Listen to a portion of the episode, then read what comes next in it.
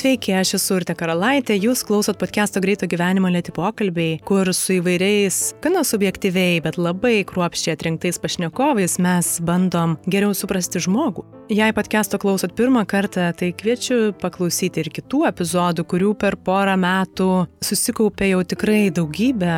Juose nuo režisierių, baimę tyrinėjančių istorikų iki ekonomistų, lingvistų ir tiesiog iš tiesų žmonių, kurie nebijo reflektuoti ir dalintis savo plačiomis mintimis. Pokalbiai išeina kas antrą trečiadienį ir visus juos rasit Spotify, iTunes 15 min klausy, kitose programėlėse bei karalaitė.com pasvirasis brūkšnys podcastas. O šis epizodas yra pokalbių ciklo su užsienio pašnekovais dalis, kurį auginam kartu su advokatų kontora Glimsted Lithuania. Čia šiandien kalbuosi su lingvistikos specialistu, baltų ir slavų kalbų tyrinėtoju, Vilniaus universiteto išskirtiniu profesoriumi kilusiu iš Belgijos Akseliu Holvutu. Įdomu, kad kalba mums yra toks natūralus ir kasdienis dalykas, apie kurį tikrai retokai susimastom. Tai man ir norėjosi kartu su žmogumi, kuris taip nuodugniai tyrinėja, tai pasižiūrėti arčiau į tą mūsų kasdienį dialogo įrankį. Podcast'o pokalbiai įrašyti Vilniaus universiteto radio stotyje Start FM, o jos galite klausyti Vilniuje FM dažniu 94,2 arba startfm.lt. Podcast'o draugai, portalas 15 minučių, garso reklamos studija Drop Audio. Ačiū visiems, kad galime kalbėtis ir plėsti savo akiratį. Dabar šokime į pokalbį su Akseliu.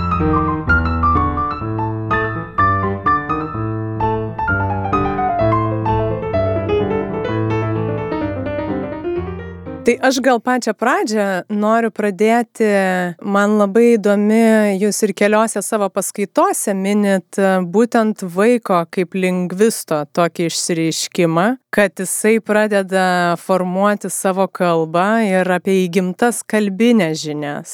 Tai vat, gal tiesiog gali truputį išsiplėsti iš jūsų be abejo kaip akademiko perspektyvos, turint omeny, kad mūsų klausytojai yra įvairiausius ryčių žmonės, tai e, nori susipažindinti su vat, vaiko pirmų santykių su kalba turbūt.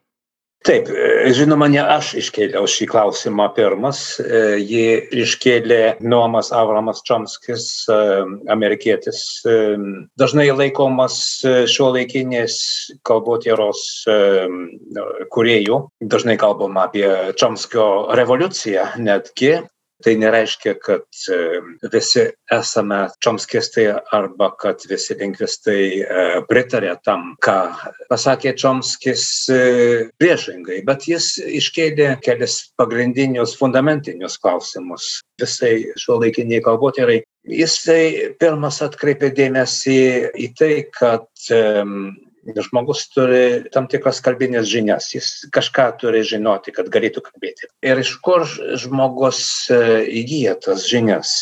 Tėvai negali savo vaikų išmokyti kalbos. Jie gali vaiką išmokyti, tarkime, sėdėti gražiai prie stalo, valgyti su peiliu ir šakute, bet negali išmokyti kalbėti, nes patys tėvai nežino, kaip veikia kalba. Ar ne kiekvienas lietuvis e, taisyklingai vartoja lietuvių kalbos e, leksiką ir gramatinės formas, bet jeigu paklaustumėt, o kaip jūs žinote, kad e, reikėjo pavartoti kilmininką, o ne nenaudininką, niekas negalėtų paaiškinti. Vadinasi, mes turime kalbinės žinias, bet jos yra intuicinės, neįsisamonintos ir kaip tos žinios atsiranda mūsų galvoje. Kaip jau pasakiau, tėvai negali, negali išmokyti vaiko kalbėti. Jie gali tik kalbėti. Situacijose, kai vaikas dalyvauja ir, ir, ir girdi. Iš tos įvesties, iš tų fragmentų, kuriuos vaikas išgirsta, vaikas pats turi susikurti kalbą, kaip kalbinę sistemą. Jis girdi lietuvių kalbos sakinius ir jis kuria bent jau taip tai formuluoja Čomskis, jis kuria teoriją, kuri galėtų sugeneruoti, galėtų produkuoti to, tuos sakinius, kuriuos aš, aš girdžiu. Vadinasi, vaikas e, susikuria kalbinę teoriją, kalbinį modelį ir tas kalbinis modelis leidžia tam vaikui kurti sakinius. Pradžioje tas e, procesas vyksta gana sunkiai, koreguoja, koreguoja, kol susikuria gramatinė sistema, kuri maždaug sutampa su tėvų gramatinė sistema. Ir tai vyksta gana greitai. Dviejų metų amžiaus jau vaikas pradeda kurti tą sistemą. Kai jis pasiekia keturių metų amžių, jis jau būna susiformavęs. Po to jis, žinoma, dar išmoksta naujų žodžių, ta leksika e, išsiplečia, bet e, pamatai jau būna pakloti, kai vaikas pasiekia keturių metų amžių. Vadinasi, mažas vaikas elgesi kaip lingvistas, jis turi susikurti teoriją. Tai aš teisingai suprantu, kad tai mes truputėlį gal kaip papūgos e, girdim informaciją, ne, ne kaip papūgos. Ne kaip papūgos. Papūga negali išmokti kalbos, jis mėgdžioja tik tai. Vaikas nemėgdžioja, jis gauna tam tikrą įvestį ir tuo momentu jis turi būti kūrybiškas. Jis pats turi susikurti kalbą. Ir tai moka tik žmogus. Gyvūnai irgi turi savo komunikacijos sistemas, bet e, jos vis dėlto yra skirtingos nuo žmogaus kalbos. Vadinasi, tai yra unikalus reiškinys ir nu, kalbotyros e, užduotis pagrindinė yra bent jau iš dalies e, suprasti, kas įgalina žmogų kalbėti ir e, maždaug kokio pobūdžio yra tos, tos kalbinės žinios.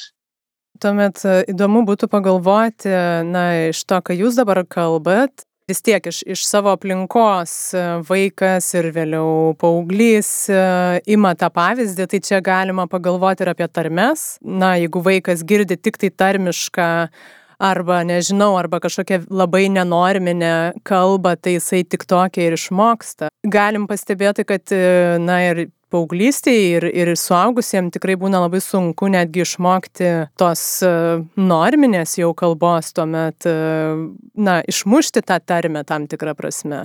Nes tai yra jų įgimta kalba tokia. Taip, jeigu vaikas auga tarmiškoje aplinkoje, tai e, jis išmoks tą, tą tarmę ir Žinoma, tam tikrų momentų jis susidurs ir su kitų tarmių atstovais ir tuomet komunikacija gali būti apsunkinta, dėl to ir vyksta dažniausiai tas norminimas, kad įvairių tarmių atstovai galėtų susikalbėti, kuriama bendrinė kalba. Žinoma, ta bendrinė kalba iš dalies yra svetima kalba. Jeigu tarmiškoje aplinkoje vaikas auga, tai tuomet jis jau turės e, sąmoningai kaip nors priderinti arba susikurti tokį e, kalbos variantą, kuris leistų susikalbėti su kitų tarmių atstovais. Savo tarme tas žmogus visada geriausiai jaučia ir valdo. Tai ar tuomet galima pasakyti, kad tai, va, tai gimtoji kalba, pirmoji, kokia jinai bebūtų, ar tarmė, ar užsienio kažkuri, tai visos po to sekančios jau bus svetimos kalbos? Jau ta va, tokia pasamoningai, intuityviai pajausta ir sukurta bus tik ta pirmoji? Taip, žinoma, kiti tos pačios kalbos variantai, jie nu, palyginti nedaug skiriasi nuo vaikystėje išmoktos kalbos. Dėl to, jeigu, tarkime, aukštaičių tarmės atstovas e, kalba bendrinė kalba, žinoma, galima net ne, nepastebėti, gali likti tam tikrai tarimo ypatumai ir gali likti tam tikros gramatinės konstrukcijos, bet e, tai vis dėlto tą kalbą galėsime atpažinti kaip bendrinę.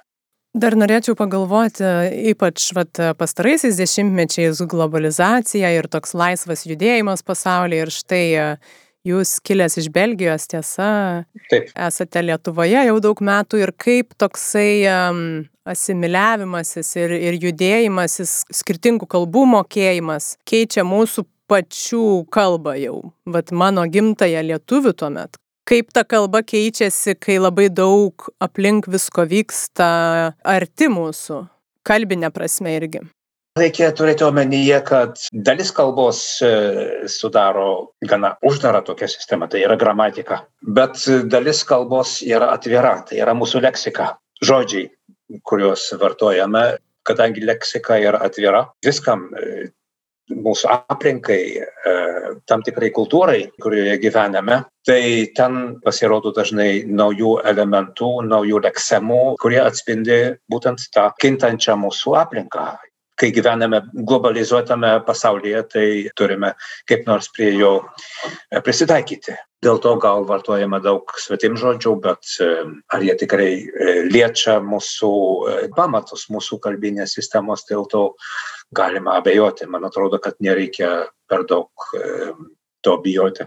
Tiesiog tai yra neišvengiamas dalykas, kuris vyko visada. Ir Romos imperijoje jau susidurdavo skirtingos kalbinės grupės ir būdavo kalbinių kontaktų ir, ir skolinių ir taip toliau. Tas dalykas truputėlį išryškėjo tik tai globalizuotame pasaulyje, bet kalba be, be jokių nu, kalbinių kontaktų, tai bent jau Europoje visada buvo beveik neregėtas dalykas.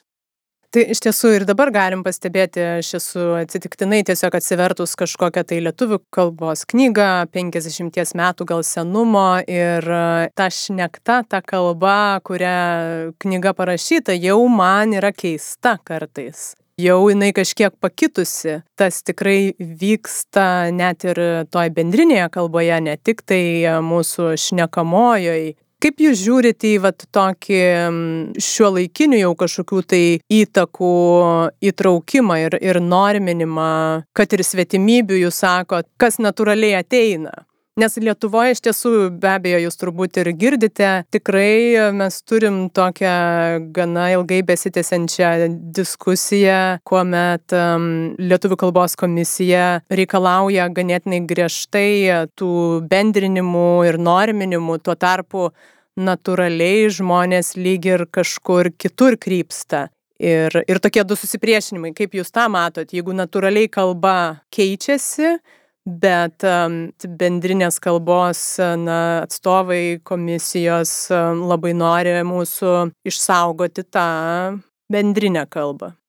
Taip, galima suprasti uh, jų, tų normintojų uh, siekius, nes uh, Lietuviai kaip nors turi susikalbėti, vadinasi, turi būti kokia nors bendrinė kalba, kuri būtų priimtina visiems greičiausiai yra kažkokia pusiausvyra, kurios nereikėtų pažeisti, jeigu atsiranda vienos grupės kalboje per daug tarkime, svetimybių, tai e, kitoms e, visuomenės grupėms gal ta kalba pasidarytų nepriimtina, vadinasi, kažkoks e, norminimas e, turbūt yra neišvengiamas. Reikia vis dėlto suvokti, kad e, pokyčiai kalboje yra neišvengiami ir jie atsiranda ne tik dėl svetimų kalbų įtakos. Čia ne tik e, svetimybių klausimas kyla, bet kalba iš prigimties keičiasi, ji niekada nestovi vietoje. Būtent dėl tos priežasties, e, apie kurią jau kalbėjome, tėvai negali vaikui kalbos įpilti į galvą. Vaikas turi pats susikurti kalbą ir kiekvieną kartą turi susikurti tą kalbą iš naujo. Vadinasi, e, pagal apibrėžimo vaikų kalba negali sutapti su tėvų kalba. Kalba negali stovėti vietoje būtent todėl, kad kalba negali būti perduodama. Kiekviena karta turi savo kalbą ir jeigu per daug norime norminti, na tarkime lietuvių kalbos norma tai yra ji buvo nustatyti jono jablonskio bet e, buvo nustatyta prieš šimtą metų vadinasi jeigu norėtume per daug reikalauti kad lietuviai dabar kalbėtų taip kaip kalbėjo kaip e, rekomendavo jablonskis tai yra nerealu. Vadinasi normintojų darbas iš tiesų yra sudėtingas. Kiek galima norminti? Ko galima tikėtis iš visuomenės Čia įdomu dar pagalvoti truputį ir grįžti, kaip pradžioje kalbėjom apie vaiką, kuris intuityviai susikuria tą kalbą ir, ir, ir toliau mes kalbame par to, kad mokykloje kažko išmokstame ir jau truputį samoningai suprantame, kas kodėl, kaip vyksta, bet mes kalbam automatiškai, nepergalvojam, kodėl, ką, kaip sakom, nereflektuojam. Čia įdomu tada jau pabandyt pareflektuoti, ką kalba gali sakyti apie mus, apie mus kaip tautą. Na, mes jau, jau pakalbėjom apie tai, kad tarkim iš tarmės mes galim atpažinti a, žmogaus kažkokią tai kilmę ar, ar iš kažkokios tai nenorminės kalbos, gal to žmogaus aplinka, kokie tautiniai galbūt irgi bruožai gali kilti iš kalbos kas dar ten užsikoduoja kalboje? Mhm. Geras klausimas ir jis svarstomas iš esmės jau gana, gana seniai. Santykis kalbos ir, ir mąstymo ir su tuo yra susijęs taip pat ir santykis kalbos ir tam tikros tautinės bendruomenės. Lingvistai jau seniai diskutuoja tokiais klausimais. Buvo iškelta maždaug beveik prieš šimtą metų tokia hipotezė, kad e, kalba net lemia mūsų, mūsų mąstymą, kadangi kiekviena kalba skirtingai, tarkime, kategorizuoja pasaulį, nes kalbėjimas yra kategorizavimas. Ar ne, jeigu vartojame bet kokį žodį, tai išskiriam tam tikrą kategoriją, kas yra namas, kas yra draugas, kas yra visuomenė ir taip toliau. Nustatome kategoriją ir kiekviena kalba truputėlį kitaip nusistato tas, tas kategorijas. Ir e, kažkada buvo iškelta vadinamoji Sapiro Warfo e, hipotezė, tai buvo amerikiečiai, vienas buvo lingvistas, antras antropologas. Pagal tą teoriją kalba tiesiog lemia mūsų, mūsų mąstymą. Ir jeigu taip, tai tarkime, lietuvis ir kinas negalėtų tobulai susikalbėti, kadangi jų mąstymo kategorijos yra skirtingos. Ir vis dar svarstomi tokie klausimai. Niekas e, tos hipotezės iš esmės negintų savo griežčiausių pavydalų. Bet faktas yra tas, kad e, na, kalba yra, tarkime, mišrus e, dalykas, hybridinis. Dalį kalbos lemia mūsų žmogiška prigimtis, mūsų biologija, dalį lemia mūsų kultūra apie santykį tų dalykų galima diskutuoti. Faktas yra tas, kad mūsų leksikoje, tarkime, atsispindi mūsų kultūra, mūsų žodinė, mūsų įpročiai ir taip toliau. Ar pačioje kalbos struktūroje atsispindi lietuvių kalbos struktūros yra tokios ypatingos ir tik lietuvių, tarkime, mąstymą atsispindinti, tai dėl to galima abejoti. Bet e, tai yra apskritai labai įdomi ir svarbi tyrimų sritis, žinoma. Čia įdomu, jau nebežinau, kiek tai yra jūsų laukas, bet dabar pagalvojau ir apie garsinę dalį, visgi tos kalbos labai skiriasi ir vienos yra, nežinau, kažkokios tai ilgi, ištesti garsai, kitos labai aštrios. Ką jūs žinot apie tai, kuo tai siejasi su, su aplinka, kur tos kalbos veikia, kokioj, nežinau, demografiniai ar, ar kultūriniai plotmėjai? Kodėl tie garsai va tokie skirtingi, jie tikrai labai skiriasi. Taip, iki galo to nežinome, yra žinoma įvairiausių hipotezių. Gamtinė aplinka greičiausiai kažkaip lemia, turi įtakos tai garsiniai sistemai. Žmonės, kurie kalnuose gyvena aukštai, jie kitaip reguliuoja savo kvėpavimą, iš dalies ir artikulaciją ir visą tai turi įtakos. Bet žinoma, e, aplinka lemia visada tik dalį mūsų tarties yra ir atsitiktinių istorinių veiksnių. Tai yra toks mišinys. Be to, čia dar užsideda socialinis e, veiksnys, ne tik tautinis, bet e, aukštuomenė gali turėti tarties ypatumų ir tuomet galima pradėti mėgdžioti tas, tuos ypatumus arba koks nors dialektas tarmė gali būti prestižinė ir tuomet pradedama mėgdžioti. Čia jie įvairiausi e, veiksniai sąveikauja ir e, konkrečių atvejų, kas e, turėjo lemiamą reikšmę, visada būna sunku, sudėtinga nustatyti. Dar jūs paminėjot prieš tai, kad lietuviai su kinais e, sunkiai susikalbėtų ir aš apie tai irgi galvojau, kad e, ir simboliai, ir kažkokie ženklai, ir va, vėlgi aplinkos labai skiriasi kultūrose ir, ir visuomenėse. Tas be abejo veikia kalbas ir ar vien kalbos pakanka, kad mes suprastume prasme. Jeigu vat, kinas kalba su lietuviu, jeigu ir anglų kalba, visgi prasmės dažnai pasimeta mūsų kultūrinės, kad kalba nebetampa vieninteliu ryšiu. Čia yra mm, ne tik kalbos struktūros, kalbos sistemos e, klausimas, bet ir diskurso turiu omenyje bendravimą žmonių. Tie dalykai, žinoma, yra susiję ir jie turi įtakos ir, ir pačiai kalbai, leksikai, žodžiam, mūsų, mūsų žodžių pasirinkimui.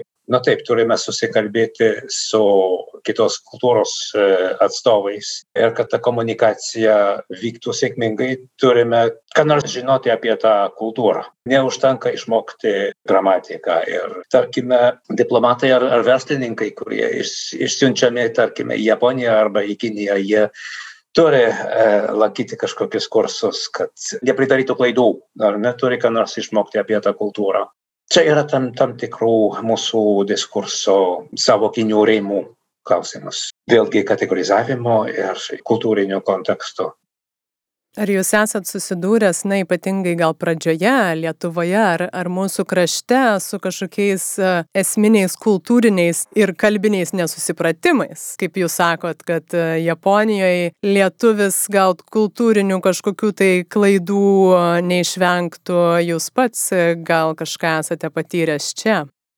Nu nelabai. Nebent e, visai jau anekdotinių lygmenų kai atvažiavau į lietuvą mobilieji telefonai gal jau egzistavo bet jie dar nebuvo labai paplitę ir atkreipiau dėmesį kad kai lietuvis skambina labai dažnai neprisistato tas žmogus kuriam skambini turėjo pats atspėti kas skambina o kitoje šalyje su kitokia kalbine etikete būtų normalu pirmiau prisistatyti bet tai anekdotiniai dalykai apie kuriuos galima pajuokauti bet tai nėra rimti skirtumai Taip pat jūs tyrinėjat ir slavų kalbas, ar ne? Baltų, slavų, taip truputėlį esu tipologas vadinasi lyginu lietuvių kalbą baltų kalbą su su kaimyninėm kalbom ir su kitom Europos kalbom.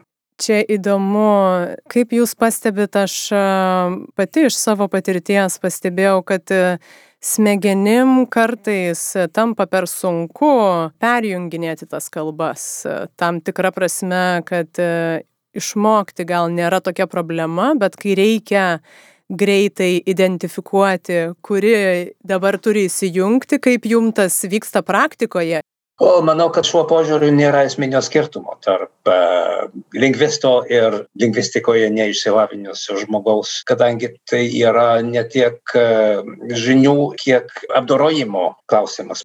Turime, žinoma, tas kalbinės žinias, bet kai kalbame realiuoju laiku, tai mūsų smegenys turi apdoroti tam tikrus kalbinius procesus ir kalbinė produkcija ir supratimo to, ką kiti žmonės sako. Ir jeigu turime veikti dvikalbėje e, aplinkoje, vieni šneka vieną kalbą, kiti kitą kalbą, tai e, mūsų smegenims tiesiog, ar turime tą kalbinį išsilavinimą ar ne, tai yra didelis e, apkrovimas. Yra vertėjų, kurie išmoksta ir tai yra turbūt sunki, sunki praktika. Tai yra baisus darbas. Aš vieną kartą bandžiau ir nekaip man sekėsi, nepaisant, tarkime, teorinių žinių. Kiek kalbų jūs laisvai valdote, sakytumėt? Nu, lingvistams dažnai uh, užduodamas tas klausimas ir lingvistai dažnai atsikerta, kad tai yra taip kaip uh, gydytojo paklausti, jūs esat gydytojas, kiek turit lygų. ne, aš negaliu atsakyti, nes uh, aš esu skaitęs apie daugelį kalbų ir uh, pakankamai laisvai išmokau kalbėti lietuviškai, dar angliškai. Rusiškai ir lenkiškai gana laisvai visa tai priklauso nuo, nuo praktikos, ne, ne nuo žinių, o nuo, nuo praktikos. Čia norėtųsi visgi paklausti, kas jūs patraukė į šitą kalbų grupę, na, šitas, jeigu jūs ir slavų, ir baltų, ar ne, visgi ganėtinai tolima ir jūsų gimtai kalbai, kur buvo ta pradžia, kaip užsikabinote? Norėjau tapti lingvistu ir reikėjo išsirinkti kokią nors kalbų grupę kokią nors įdomesnę ir pasirinkau slavų kalbas kadangi jeigu prancūzų kalba nu tai arba anglų kalba tai gali tapti na anglų kalbos mokytoju. To aš nenorėjau ir išsirinkau kokią nors tolimesnę įdomesnę kalbų grupę. Dar atradau baltų kalbas tokią paslaptingą mažai apie ją žinoma ir niekada nepasigailėjau. Yra tai yra maža maža kalbų grupė bet bet įdomi ir yra dar ką ką veikti baltų kalbų srityje. Daug nu beveik kasdien dar pastebiu įdomių dalykų. Taip ir tų specialistų pasaulyje nėra tiek daug būtent šitos kalbų grupės. Ne, tai irgi yra teigiamas aspektas. Yra maždaug, tarkime, dešimt žmonių, turiu tarkime, du, du kolegas Rusijoje, du Vokietijoje ir mes visi vieni kitus pažįstame ir nėra didelės konkurencijos, mes visi draugiškai bendraujam. Dar vienas privalumas baltistikos. Sakot, kad e, vis dar yra ką tyrinėti, ką atrasti. Dabar, e, nežinau, ir jūsų vykdomi tyrimai kažkokie, tai ar besitęsiantis, e, įtraukia šio laikinę kalbą, ar pastaruoju metu, kur nuklydo jūsų dėmesys ir, ir būtent tyrimai? Mūsų, mano ir kolegų tyrimų kryptį lemia daugiausia tai, kad atsiranda naujų priemonių. Turime e, vis daugiau tekstynų, kuriame galime rasti ir rašytinės kalbos medžiagą, bet ir gyvosios kalbos medžiagą, ką internete žmonės rašo, nes interneto kalba yra yra ypatinga, ji yra nesakytinė, bet ir nerašytinė. Atsiranda toks įdomus tarpinis variantas ir galima sekti, kaip keičiasi kalba tokių naujų konstrukcijų gal nerastume rašytojų kalboje, bet interneto kalboje jau rastume, taip pat ir, ir gyvoje kalboje, bet jeigu turime tą, tuos tekstinius, tą internetą, tai matome daug daugiau ir galima šiuo laikinė kalba tirti ir sekti, kas vyksta kalboje. Tai yra labai įdomu, bet taip pat ir atsiranda, tarkime, senosios lietuvių kalbos tekstų internete Čia man e, užstrigo, vat, ką jūs sakot, kad e, na, iki šiol tarsi buvo aišku, kad yra sakytinė ir rašytinė kalba. Ir vat, ką jūs minit, ta internetinė, parašyta, bet sakytinė. Tai atsiranda tarsi naujos, nežinau, ar čia rūšys kalbos. Taip, be abejo. Mhm. Ir su technologijom turbūt gal kūrėsi ir daugiau, nes tuo pačiu gal galima ir pagalvoti, dar yra tos trumposios e, garsinės žinutės dabar, kurias mes lyg ir rašom, bet tai nėra dialogas. Kiek naujų formatų kalbos atsiranda pastaruoju metu ir kaip tai veikia bendrą kalbą, nes turbūt negali ir mano šnekamosios neveikti. Be abejo. Mes dar nematom, e, tas procesas neseniai prasidėjo. Aš dar e, užaugau be jokio interneto, be tų žinučių, be mobiliųjų telefonų, bet jis jau auga karta, kuri be viso to negali įsivaizduoti pasaulio. Kokia bus jo e, kalba, mes negalime dar numatyti, bet keisis kalba smarkiai, man atrodo. Mes dar negalime numatyti, kur link eis ta kalbinė raida, bet labai įdomu bus sekti, kas vyks kalboje ir koks bus um, poveikis to interneto ir tų visų uh, priemonių, techninių priemonių lietuvių kalbai ir, ir kitoms kalboms. Kalbos normintojams turbūt atsiras dar vienas galvos skausmas, įtariu. Reikės naują skyrių įsteigti vien tik tai darbui su tuo. Man dar įdomu pagalvoti ir apie dirbtinį intelektą ir kalbą. Tai va tas uh, Artificial General Intelligence, kuri yra savarankiškai veikiantis e, intelektas. Vat klausimas, ar gebės taip pat kaip vaikas kurti ir kalbėti, ar tai vis dar bus kalba, ar tai bus atkartojimas mūsų sukurtos. Čia labai platus ir abstraktus klausimas, bet kaip Jūs matote tą santyki vat, su būtent dirbtinio intelekto ateities e, kūriniais? Tai labai įdomus klausimas. Aš atsakyti negalėčiau. Dirbtinio intelekto sfera vis e, tobulėja ir e, vis daugiau galima modeliuoti tiesiog. E, kažkada prieš 30 metų buvo kalbininkų, lingvistų, kurie priešino žmogaus kalbinius sugebėjimus ir dirbtinį intelektą, kurie pabrėžė, kad na, žmogus vis dėlto yra gyvas organizmas, nulemtas biologijos E, vadinasi, jo smegenys negali veikti kaip kompiuteris ir visada bus praraja. Bet nesu toks tikras, nes e, dirbtinis intelektas vis geriau moka e, modeliuoti taip pat ir, ir mūsų biologiškai nulemtą mąstymą. Ir jeigu iškeliam klausimą, ar kada nors kompiuteriai dirbtinis intelektas sukurs tokius tekstus, kurių nebegalėsime atpažinti. Ar tas tekstas yra žmogaus sukurtas ar mašinos, aš tikrai nežinau. Manau, kad bus labai sunku atskirti ir turėsime reikalo su daugeliu tekstų, e, apie kuriuos nežinosime. Ar žmogus juos sukūrė, ar, ar mašina. Čia ne tik kalbinis klausimas ir, ir filosofinis klausimas. Jis ir, ir filosofijoje buvo iškeltas. Amerikietis Dreyfusas Heideggerio e, specialistas kažkada iškėlė klausimą, ar kompiuteris e, kada nors e, galės pajusti tą grinai žmogišką buvimo pasaulyje, sein in der Welt jausmą. Jo atsakymas buvo neigiamas ir gal su kalba yra maždaug panašiai kas nors visada žmogaus e, kalbą atskirs nuo dirbtinio intelekto kalbos. Nemanau, kad dirbtinis intelektas galėtų sukurti Šekspyro tekstus. Gal e, laikraščio tekstus taip, bet Šekspyro arba Rilkės tekstus turbūt ne. Įdomi jūsų šitą mintis ir, ir iš karto galvoju apie kalbos ir turtingumą, ir plotį, na, galėjimą net ir su tokiais atrodytų paprastais dėmenimis kažkaip žaisti, kurti, tai būtent, vat, ką jūs sakot, kad galbūt tai, ko kompiuteris negali, bet tuo pačiu, galvojant apie mūsų šiandieninius įpročius ir trumpų žinučių ir technologijų ir taip toliau, ar galima būtų pagalvoti, kad ir mūsų pačių kalba siaurėja, ribojasi.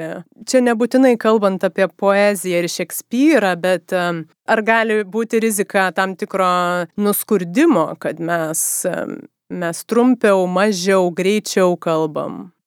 Klausimas, žinoma, yra bendresnis. Ar e, dirbtinis intelektas užvaldys mus, ar mes sugebėsim jį kontroliuoti ir, ir valdyti. Jeigu užvaldys mus, tai užvaldys ir kalbą, be abejo. Ir tai turi pasireikšti visų pirma per kalbą. Viskas pasireiškia per kalbą, mūsų mąstymas pasireiškia per kalbą. Ir e, jeigu ateis mūsų žmogiško mąstymo galas, tai pasireikš ir kaip per kalbą. Dar jūs paminit būtent e, taip, tai kalba yra vienas iš mūsų santykio su kitu žmogum ryšys ir mainai tam tikri. Man įdomu, kokia empatijos vieta kalboje. Ar turi kažkokią tai be abejo kalba žinoma yra iš dalies uždara sistema mūsų galvose bet mūsų kalbėjimas yra visuomeninis reiškinys tai yra diskurso dalis ir čia empatija darosi kasdien svarbesnė gyvenime poliarizuotame pasaulyje. Vyksta kultūriniai karai visuomenės yra padalintos. Labai išryškėjo amerikoje trampo prezidentūros sąlygom bet visur europoje yra skirtingų grupių jos gyvena savo savo burbuluose kaip sakoma. Bet vis tiek žmonės turi gyventi vienoje šalyje vienoje visuomenėje vadinasi turi bendrauti ir turime vis labiau atkreipti dėmesį ir išmokti kalbėti. Kai kalbame su žmonėmis iš kito burbulo kad siektume rasti bendrus konceptualius rėmus kurie leistų mums rasti bendrą kalbą. Ir tam reikalinga empatija ir ji turi atsispindėti ir kalbinėje raiškoje. Čia iškart jūs prieartėję, dar e, man buvo tokia kilus mintis, kad kalba, na, vis tiek yra viena iš tautinės e, tapatybės svarbių sudedamųjų ir tuomet e, ji yra viena iš dėmenų, kas skiria skirstomus mes, jie ir to skirstimo visais laikais buvo ir tam tikra prasme galbūt tai skatina skirstimą. Kaip jūs tai matot? Na ir dabar va, tam globalėjančiam jau pasaulį, kur, nežinau, ir esperanto kalba buvo vienas iš pavyzdžių, kuriamų, kad va, kalbėkime visi viena kalba, kad būtume kartu. Kaip matot va, tą susipriešinimą, kad natūralu, kad mes atsinešam savo kalbas, bet jos ir supriešina šiek tiek taip jeigu kalbame apie tapatybę tai čia globalizuotame pasaulyje kyla problemų ne tik palyginti mažom tautom kaip lietuvių tauta bet ir didesnėm tautom. Dabar turime tą globalizaciją ir tą anglų kalbos dominaciją moksle pavyzdžiui technikoje ir taip pat ir visuomeniniame pasaulyje. Kaip mes galime konkuruoti? O vis tiek išlaikyti tą savo tapatybę daug kur kyla tokie konfliktai bet kad verta išlaikyti nacionalinę tapatybę tai dėl to niekas neabejoja Iš ko susideda jūsų tautinė tapatybė, kuomet jūs e, šitiek metų esate čia, mūsų krašte ir puikiai kalbat lietuviškai? Kaip jūs save matot šiandien? aš savo užduodu tą, tą klausimą dažnai ir nemoku atsakyti. Aš e, manau, kad e, tam tikrą prasme esu kosmopolitas, aš manau. Labai abejoju nacionalizmo vertę, bet e, antra vertus manau, kad nacionalinės kultūros ir, yra svarbios. Ir ta, gal net, net ne tiek tauta, kiek tiesioginė žmogaus aplinka, ta mažoji tėvinė žmogui yra svarbi. Tai, ką Hegelis vadino Baisich sein, tarkim, būti pas save, būti namuose. Lietuvoje jau visai jaučiuosi namuose, žinoma, turiu dar kitą tėvynę ir e, gerai yra, kai nereikia rinktis. Arba arba. Kartu su savim viską neštis. Tai profesoriau, dėkui Jums labai už įžvalgas ir mintis ir manau šiam kartui gal tiek. Labai malonu buvo pasišnekėti. Malonu ir man. Mm -hmm.